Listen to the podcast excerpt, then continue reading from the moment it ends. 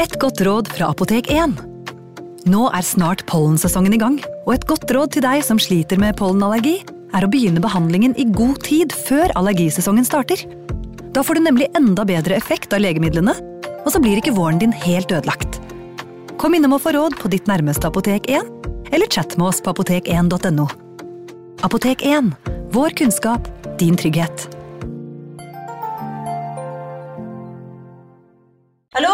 Jeg kommer fra Oslo politikammer. Ine Jansen er purk. Er du purk? The motherfucking bitch. Alt jeg vil, er å finne ut hva som skjedde med mannen min. Jon Carew. Er jeg sikta for noe? Iben Akeli. Det er du. Ole So, Lars Berrum og Big Daddy Karsten. Hvem sin side er du på, egentlig? Anette Hoff, Tone Danielsen, Kommer du fra Afrika?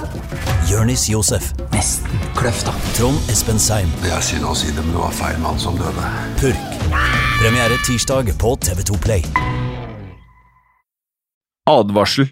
I denne podkasten vil du høre historier basert på informasjon programlederne har funnet selv. Programlederne står ikke nødvendigvis inne for meninger og syn som fremstilles. Noen påstander kan avvike fra virkeligheten.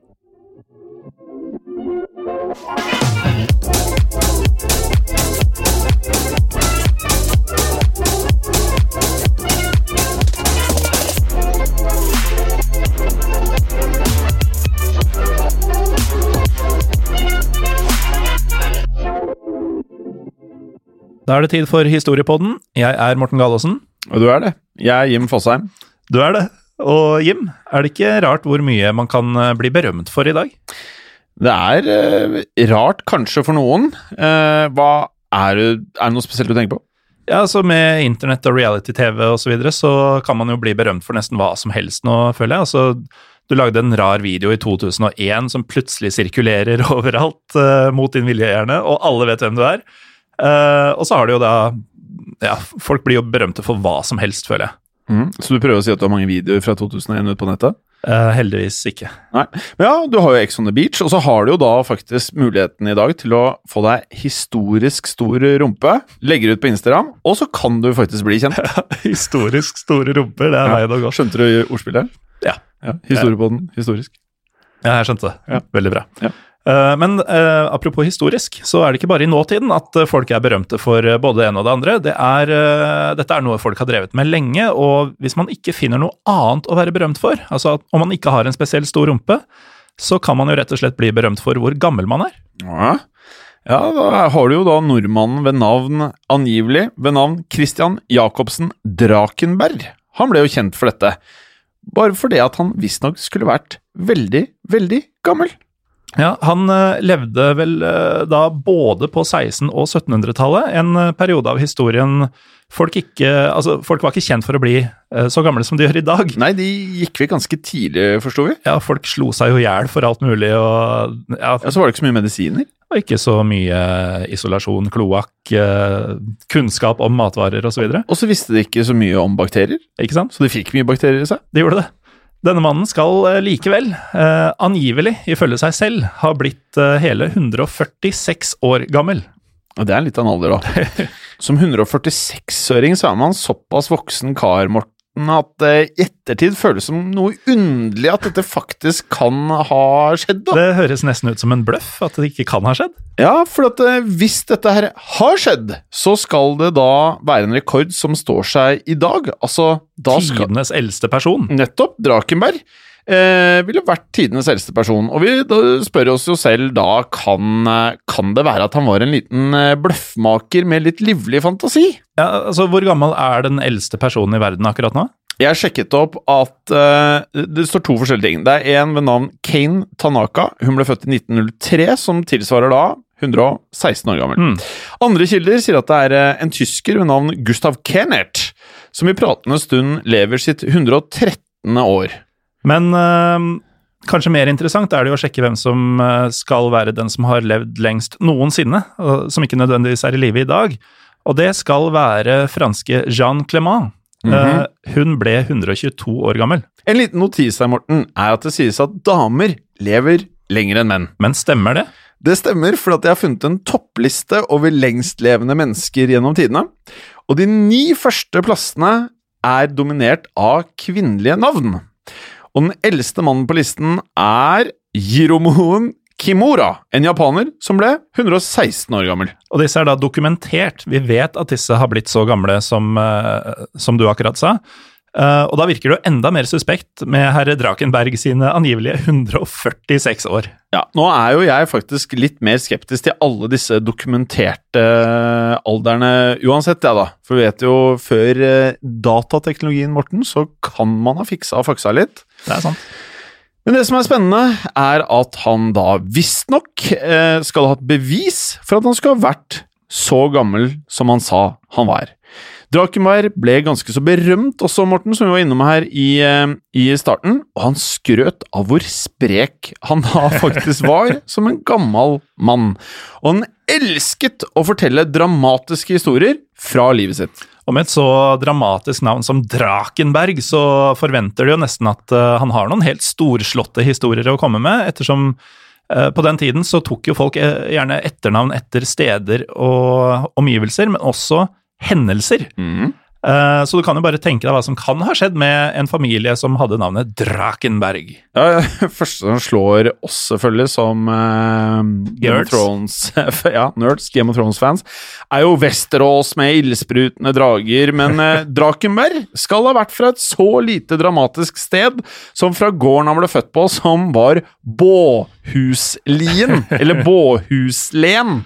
Og der ble han født uh, ifølge seg selv, den 18. november 1626. Da var Båhuslen en del av Norge. Men uh, senere, i 1658, så ble det en del av Sverige, og det var etter at uh, Danmark-Norge hadde fått stryk av Sverige i det som ble kalt Carl Gustav-krigene. Og da var det sånn at Danmark-Norge, eller Danmark-Norge, hva er det du sier? Jeg sier Danmark-Norge. Eh, ga bort områder da, for å sikre seg, eller det de mente var å sikre seg fred i en periode fremover. Men som vi alle vet, som er litt glad i historie, så varte jo ikke dette her spesielt lenge. Nei, Sverige var ikke fornøyd, Men Båhuslen er fortsatt en del av Sverige den dag i dag, og det uttales Bø... Båhuslen. Nei, det gjør det ikke. Det uttales Båhuslen. Båhuslen. Uh, men disse krigene var faktisk Drakenberg en del av. Eh, for han flytta til onkelen sin i Nederland da han var åtte år gammel, og onkelen han var kaptein. Noe som åpna døren for at Christian Drakenberg etter hvert ble en skikkelig sjømann. Senere skal han visstnok ha tjent den danske flåten i krigene mot Sverige, både i 1657 og den som var i 1675, som varte til 1679. Som du sa, da, så var jo ikke freden noe som var langtvarende på denne tiden. Nei, eh, freden var skjør, og for Drakenberg eh, gikk det heller ikke så bra etter hvert. Eh, I 1694, da vår venn Christian Drakenberg skal ha blitt 68 år gammel, så drar han til, til Spania, som 68-åringer fra Norge og Danmark gjerne gjør, en mm. god gammel sydentur. Men uh, denne sydenturen ble da uh, spolert, kan du si.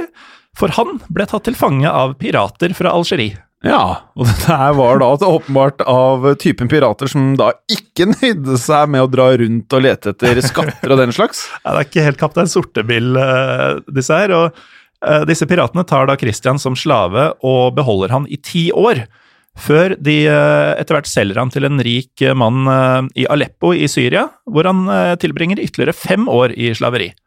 Angivelig. Og det er jo lett å glemme da at det var en del av historien i gamle dager at man kunne bli slave, og da altså være eid av andre mennesker. og dette her er et viktig punkt i historien som vi skal innom mer siden. Men tilbake til Drakenberg, for etter eh, til sammen 15 år da, i slaveri, så klarer han omsider å rømme med fem andre slaver til Malta. Da har vi kommet til 1710, Morten. Jeg var eh, en måned på Malta i sommer. Ja, Det stemmer det. Ja, det føltes som slaveri. Nei! Og det var ikke noe ålreit. Nei, ok. Hvorfor ikke det? Nei, Det var så varmt. Å ja. Jeg liker varmen, jeg, vet du. Derfra drar han endelig som en fri mann til Bordeaux i Frankrike.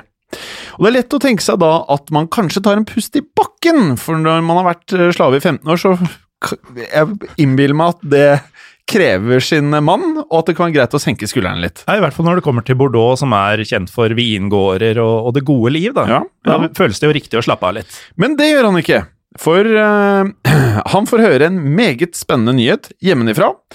Som får han til å eh, ønske å reise hjem igjen. Og hva tror du denne nyheten kan være, Morten G? Det er vel ikke krig mellom Sverige og Danmark-Norge igjen? Jo, det er eh, akkurat det som er nyheten. Og Drakenberg, han vil være med igjen på dansk-norsk side. Og han skal jo da ha vært eh, en hissigpropp av en kar, som ofte havnet da i slåsskamper. Noe som det føles ikke som den dårligste egenskapen å ha når du skal ut i krig, kanskje? Nei, det er jo greit å, å ha litt erfaring fra, fra fights. Med never. Ja, ikke sant? Bruke nevene. Uh, neste gang vi hører fra han i historiebøkene, er i 1712, uh, hvor han er med på et skip styrt av en ikke ukjent uh, kar, kalt uh, Peter Wessel. Aha. Uh, en krigshelt uh, fra hans involveringer på sjøen i den store nordiske krigen. Som er navnet på en serie kriger i Europa der Danmark-Norge var annet mellom 1709 og 1720. I tillegg til Danmark-Norge var de andre partene i krigen datidens Saksenpolen, Russland, Prøysen og Hannover. Og alle kjempet i lag mot Sverige. Peter Wessel sin heltestatus gjorde at han etter hvert ble adlet som Tordenskjold. Så han var en big deal, Morten. Det er en big deal. Kan jeg bare skyte inn at stakkars Sverige? Okay. Alle skulle hamle opp med dem, alle av de du ramsa opp der. I 1712 er Christian Drakenberg blitt 85 år gammel, Morten.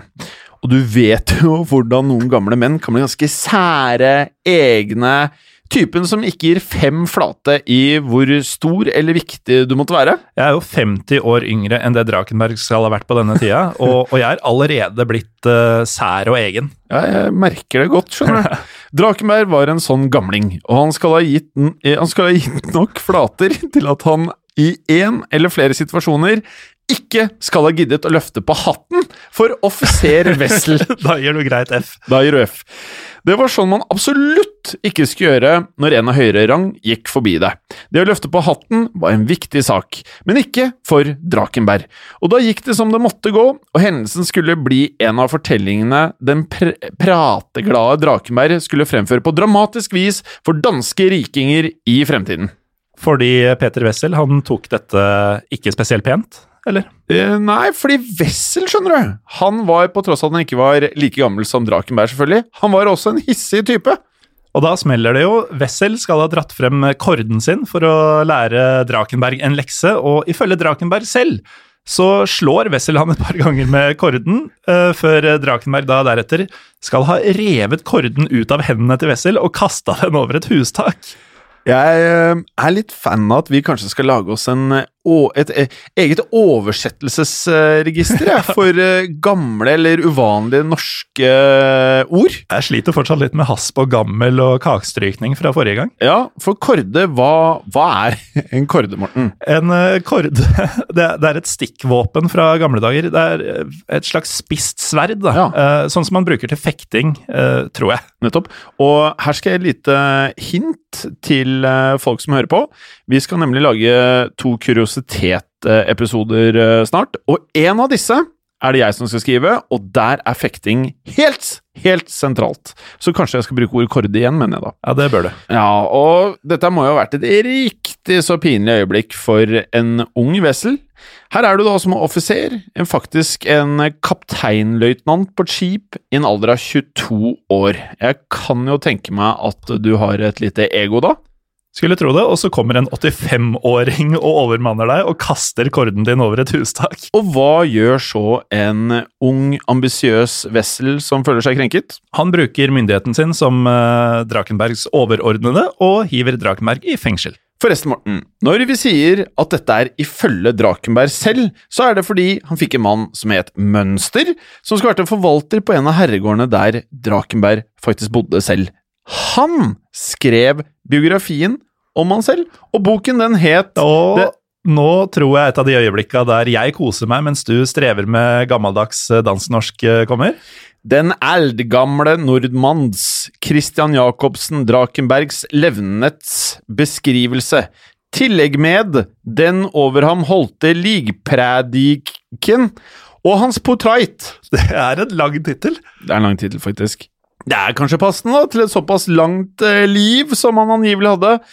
Og båndet mellom mønster føles å ha vært nært nok til at alt i denne boken ikke nødvendigvis var skrevet med et kritisk blikk til kildene Drakenberg kom her. Ja, For etter hvert var det jo nettopp denne påstanden han begynte å, å selge, da, eh, om man kan si det sånn. Etter den store nordiske krigen så forlater han sjøen rundt 1729. Så begynner han å få et image som en mann som var utrolig sterk og frisk til å være over 100, som han hevdet å være. Han bor da på forskjellige herregårder i Danmark, der han underholder med dramatiske fortellinger om alle hans opplevelser. Siden han var så populær, var han tydeligvis en dyktig underholder, og alt vi har lest her, er jo noe som tilsier at dette var en sjarmerende type. Mm. Men når man blir en kjendis fordi man skryter på seg å være utrolig gammel, men med helsa til en langt eh, yngre kar, så blir jo noen kanskje litt skeptiske etter hvert. Og da er det jo kjekt da, å kanskje ha noen beviser for at det man sier er sant. Så for da å skaffe noen beviser, så vandrer Drakenberg over til Norge i 1732 for å skaffe en avskrift, altså en kopi av dåpsattesten sin, Morten. Og den var noe presten i området der Drakenberg ble født, måtte skrive, og riktignok så vender han tilbake til Danmark med et dokument som sier at han var født i 1626, som betød at han nå var hele 105 år gammel. Og det som skjedde da, var at han ble skrekkelig berømt. Så berømt at selveste kongen av Danmark-Norge på denne tiden, kong Christian 6., inviterer han til Fredensborg slott for å møte ham. Det er staselig. Det er ganske staselig, faktisk. Da er man kjendis, da. Når kongen selv vil ha deg på besøk. Ja, og kongen er jo ganske så imponert, særlig over det at Drakenberg har tjent i hele tre kriger på unionens side. Så kongen bestemmer seg for å gi eh, Drakenberg 70 daler hvert år i pensjon for resten av livet, som en påskjønnelse og takk for innsatsen. Og 70 daler i året på denne tiden, det var et ganske solid beløp. Hva kunne man egentlig få for disse 70 dalene, da? Du, det kan jeg gi deg et litt større svar på enn du kanskje ønsker deg, Jim, men først skal vi ta en liten pause. Dersom du liker Historiepodden, vil vi anbefale at du sjekker ut lignende podkaster fra moderne media. Som f.eks. Skrekkpodden og True Crime-podden. De er å finne overalt der du lytter til podkast, som f.eks. iTunes og Spotify. Velkommen tilbake. Du skulle jo forklare oss nå hva man kunne få for disse 70 dalerne på 1700-tallet. Ja, Det var ikke helt lett å finne ut, men helt i starten av 1700-tallet kunne man visst få en bra ku for to og en halv daler. Altså en ku som lager mye melk? Ja, en, en god ku som ja. lager mye melk og sannsynligvis blir bra kjøtt når du er ferdig med melka. Mm. Så hvis en ku kosta det samme i 1735, um, når Drakenberg treffer kongen, så kunne han kjøpt seg 28 kvalitetskyr for den årspensjonen. Så man kan da egentlig regne seg frem til utgiftene sine i kuer? Ja, det, det fins jo tradisjoner rundt i beduinmiljøer uh, for å betale i husdyr som, uh, som, kameler og lignende til brudens far, oh. uh, for å få datteren hans til å gifte seg med, med en mann. At brudgommen eller familien tilbyr brudens familie x antall kameler for å få henne. Ja, ok. Hvor mange kameler eller kuer koster en, eh, en bra brud, vil du si da? det, det, må jeg som eh, fortsatt er ugift eh, komme tilbake til deg om, men i sin tid var det faktisk en kenyansk riking som bød 40 geiter og 20 kuer for Chelsea Clinton. Men det ble vel da ikke noe Chelsea Clinton på denne rike kenyaneren? Nei, det må nok flere geiter og kuer til for å få akkurat Chelsea Clinton. Ja. Men for Drakenberg så går ting eh, åpenbart veldig bra på denne tiden, med alle disse dalene og kuene han har eh, råd til med disse dalerne. Eh, og det fortsetter å gå bra, for i 1737 så gifter han seg med en 60 år gammel enke det er jo nesten barnerov ja, for Drakenberg. Ungefol for Drakenberg. uh, en enke som heter Maren Mikkelsdatter Bagge. Mm. Og nå er jo Drakenberg uh, 110. Nesten dobbelt så gammel som Maren Mikkelsdatter Bagge? Nettopp. noe som viser at det er jo aldri for sent for kjærligheten, Jim. Nei. Så nå er han både gift, berømt og godt betalt av kongen. Han lever et, et godt liv, må det være lov å si. Ja, noen år senere så dør kona hans da, men det tar ikke motet fra han. Han reiser fortsatt rundt og forteller historiene sine som åpenbart er lidenskapen hans. Og det skrives dikt, og det males portretter av den gamle Drakenberg. Men tror du at alle disse folka på herregårdene faktisk trodde på det han fortalte? Vi liker jo å tro da at det var folk på denne tiden som kanskje var like skeptiske til den angivelige alderen til Drakenberg som det vi er. Eh, men at man kanskje ikke ønsket å lage så mye ståhei rundt det hele, i og med at han var en yndling for folk flest, og da spesielt også kongen. Ja, og ikke bare kongen. Eh, en som likte han spesielt godt, var grev Fredrik Danneskjold Samsø. Eh, Greven skal ha vært så stor fan av Drakenberg at han endte opp med å bli hans beskytter. En beskytter i denne betydning var da en person som gjerne hadde mye penger, og gjerne litt innflytelse og rang. Eksempler på beskyttelse var da å betale kunstnerne for å produsere kunst. Som et kunststipend. Som et kunststipend.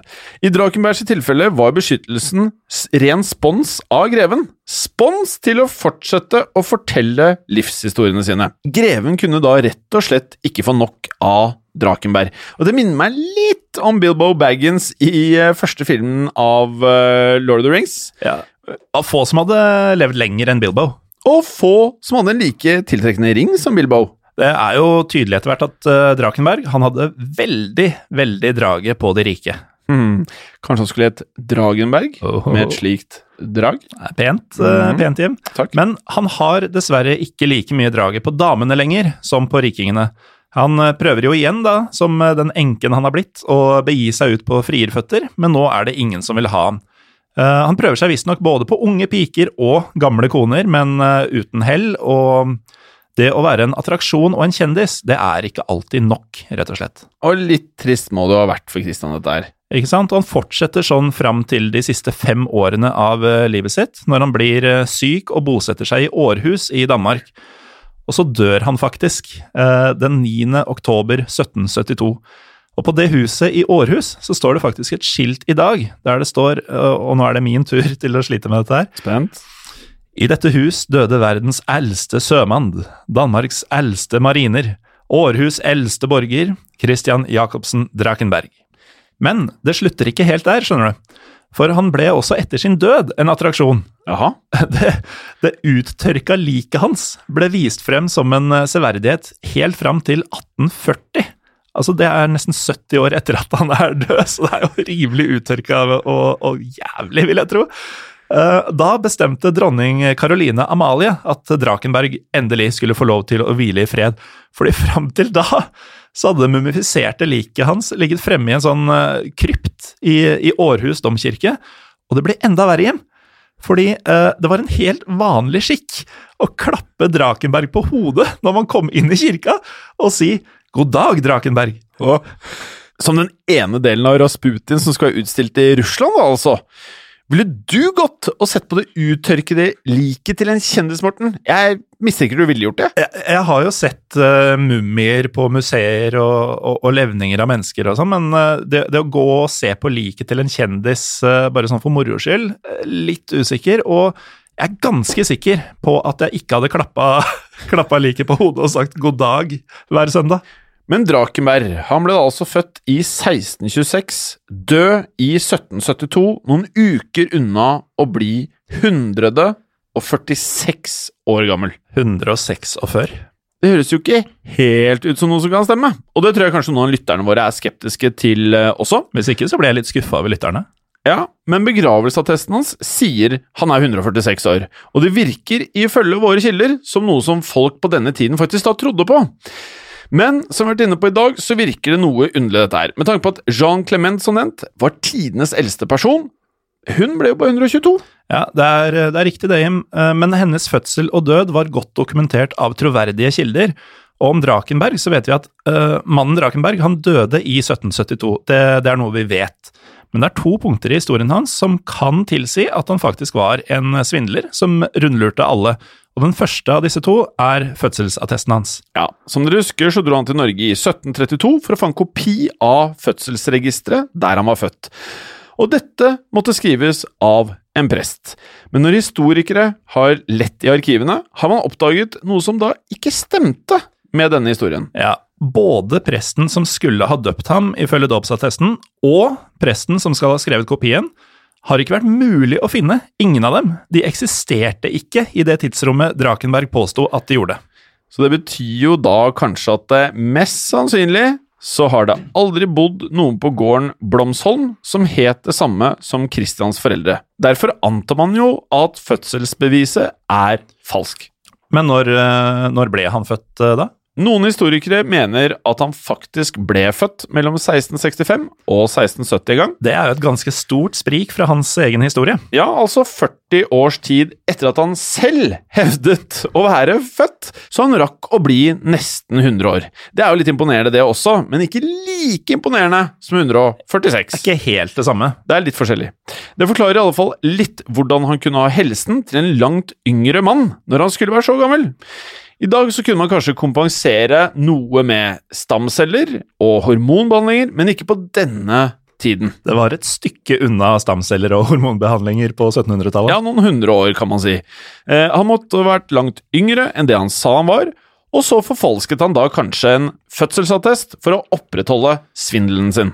Og det gjorde han jo godt, for som vi vet så ble jo til og med kongen lurt eh, av Drakenberg, som jo fikk pensjon disse 70 dalene for å ha tjent i tre kriger. Men hvis han, som du sier, ble født mellom 1665 og 1670, så var han i hvert fall ikke med på krigen som slutta i 1660. Nei, det er vanskelig. Det ville jo vært minst fem år før han ble født. Og jeg tviler jo også litt da på at han ville vært med på krigen i eh, 1675 til 1679, eh, siden han da på det eldste bare ville vært 14 år gammel. Har du sett uh, Oslo-losen-sketsjen om Sagen Morten? Ja, Når han setter seg ned og drikker kaffe med denne gjeng med folk som er svært godt opp i åra. Ja, det er litt oppi åra. Som han da hevder er sånn 12 og 9 år gamle, men bare har levd et hardt sagende liv og sikkert vært med et par-tre kriger, da. Eh, Men uansett så kan det være at Drakenberg bare var med på én av disse tre krigene. Nemlig i 1712, der han eh, da slang eh, Peter Wessels korde over dette hustaket. Eh, Dette må jo være definisjonen på pensjonssvindel? Høres litt sånn ut. Men det finnes en annen teori om Drakenberg også, som handler om det andre punktet i historien, nemlig de 15 årene som han da skal ha vært en slave. Hva var egentlig greia med det da, Morten? Jo, for la oss si at eh, han faktisk ble født i eh, 1626, som han hevdet, og derfor var eh, ble vel 68 år i 1694, da han ble tatt som slave av disse piratene fra Algerie. Eh, Det er jo ikke usannsynlig at 15 år i eh, fangenskap og 15 års slaveri tar litt hardt på eh, for en mann som nærmer seg 70, og det er vel ikke helt umulig at han rett og slett uh, daua mens han var der. For det som er sentralt i denne teorien, det er at eh, denne mannen som rømte med de andre slavene til Malta, som verva seg til den store nordiske krigen og som eh, dro rundt og underholdt for disse grevene og kongene, rett og slett ikke var Christian Jacobsen Drakenberg i det hele tatt. Åh, For det kan ha vært en helt annen og langt yngre mann. I en bok fra 2004 kalt eh, Drakenberg, verdens eldste bløffmaker, der forteller forfatter Geir Hasle om eh, noen brev som viser at en mann ved navn, Christian Jacobsen Drakenberg, var slave for tyrkere i 1702 på samme sted som en annen norsk slave Oho. kalt Christian Jacobsen. mm, det er eh, det, det er for mange sammentreff, eller? Det er litt, eh, litt for sjukt hvis det bare er et sammentreff, så det kan jo hende at uh, Drakenberg fortalte de andre slavene historier om livet sitt, for de må jo ha gjort noe for å få tida til å gå. Fortalte om hvordan han kom til sin onkel, ble sjømann og var med i disse to krigene, og hvis han døde der, så kunne en yngre mann, kanskje denne Christian Jacobsen, uten Drakenberg på slutten, tatt både navnet og historiene og sjarmert seg til kjendisstatus, og bare plusset den eldre mannens alder på sin egen. Og dere husker den biografien til Drakenberg som vi nevnte? Den med den lange tittelen? Du skal ikke gjenta den for oss, Jim? Nei, jeg tror vi klarer oss. Det som er merkverdig med den, er at de hendelsene fra før 1690 blir beskrevet med ekstremt få detaljer. Og ettersom Drakenberg ble kidnappa i 1694, så er det jo naturlig, dersom noen skulle utgi seg for å være han, at de ikke ville hatt med like mange detaljer om tiden før, fordi vedkommende rett og slett, eh, rett og slett ikke hadde opplevd det selv. Dette var jo en ting han fortalte Mønster, som skrev boken altså. Og etter dette tidspunktet, etter slaveriet, blir det flere og tydeligere detaljer. Det er jo litt mistenkelig. Ja, så for å konkludere, hva tenker du at det faktisk er som har skjedd her? Sannsynligvis så fant han ikke noen fødselsattest i det hele tatt, så han lagde sin egen. Så uansett da, så er denne attesten falsk, enten det var Drakenberg selv som forfalska den, eller mannen som utga seg for å være han. Og det er jo heldigvis litt vanskeligere å stjele noen andres identitet nå til dags, da, med litt mer kontroll enn det var på 1700-tallet. Uansett hvem Drakenberg egentlig var, hva han egentlig het og hvor gammel han var, så er vel konklusjonen at han som kalte seg Drakenberg, altså ikke kunne bevise sine 146 år, og at han var en bløffmaker med ganske god fantasi og en god gjennomføringsevne, med mildt sagt gode skuespillertalenter. Ja, For det er jo utrolig dyktig gjort da, å kunne gjøre det til et levebrød å lyve om alderen sin. Og øh, om han da er en svindler, så må vi jo si at det er en god gammel eh, victimless crime, som det heter på engelsk, som ikke går utover noen. Eh, Bortsett fra da kongens penger, men han hadde jo mer enn nok. Men tror du vi mennesker i det hele tatt er i stand til å bli så gamle som 146, Jim? Usikker, jeg føler nok det går en grense et sted, men hun damen vi nevnte tidligere, hun ble hele 122 år gammel. Det er jo teknisk sett ikke så langt unna 146. Kanskje kan vi strekke oss helt dit i fremtiden, med cyborg-teknologi, store mengder stamceller proppet rett i kroppen, kanskje? Med, med cyborg så mener du kyborg, ikke sant? Altså en eh, kybernetisk organisme, som det er eh, forkortelse for? Ja, du er på norsken her. Ja, kyborg, selvfølgelig. En kybernetisk organisme. Det var bedre. Jeg hører også at man tester ut 3D-printing av eh, organer, så kanskje om 50 år at man kan bytte ut hjerter før de sier takk for seg? Eller en annen ting som kan gjøre at vi kanskje kan leve litt eh, lengre, er det jeg har hørt de driver med i Silicon Valley. Det er da rike teknologinerder som da spruter unge gutters blod rett inn i årene sine. Jo, jo, jo, for angivelig føle seg yngre. Eh, du, har du sett serien med samme navn, altså Silicon Valley? Hvis jeg hadde sagt at jeg aner hva du prater om nå, så hadde det vært en stor, stor løgn. Kan være det ikke hjelper, men det er faktisk sånn at i denne serien Silicon Valley så har det noe som heter Young Blood Transfusion, og det er blitt eksperimentert på. Eh, også på universitetsnivå på Stanford University. I virkeligheten? Ja, så, ja, ja, i virkeligheten også, selvfølgelig.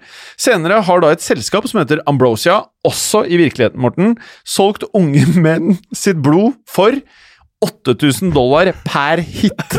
Altså 71 000 norske kroner. Det høres som en ganske lyssky eh, forretningsidé å Helt- selge ja. unge menn sitt blod. Helt lov, da, i USA, vel å merke. Ja, og 8000 dollar per hit, det høres ut som blodpris.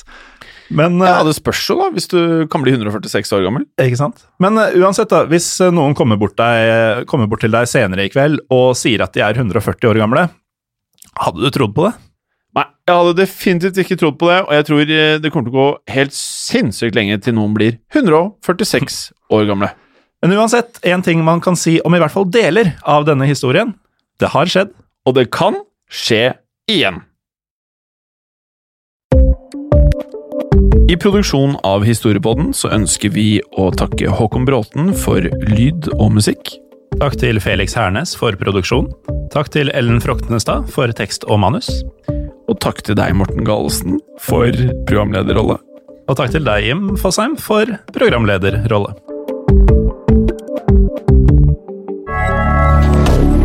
Moderne media. Har du et enkeltpersonforetak eller en liten bedrift? Da er du sikkert lei av å høre meg snakke om hvor enkelt det er med kvitteringer og bilag i fiken, så vi eh, gir oss her, vi. Fordi vi liker enkelt. Fiken superenkelt regnskap. Hei, og takk for at du lytter til Historiepodden. Skulle du ønske at du kunne høre en ny episode av Historiepodden hver eneste uke? Vel, da er det én ting å gjøre. Da kan du laste ned podkastappen Untold med det samme. For i tillegg til ukentlige episoder av podkaster som Historiepodden andre verdenskrig, Henrettelsespodden og også Gangsterpodden, så får du masse annet reklamefritt og også eksklusivt innhold. Last ned Untold i AppStore eller Google Play og start din 30 dagers gratis prøveperiode allerede i dag.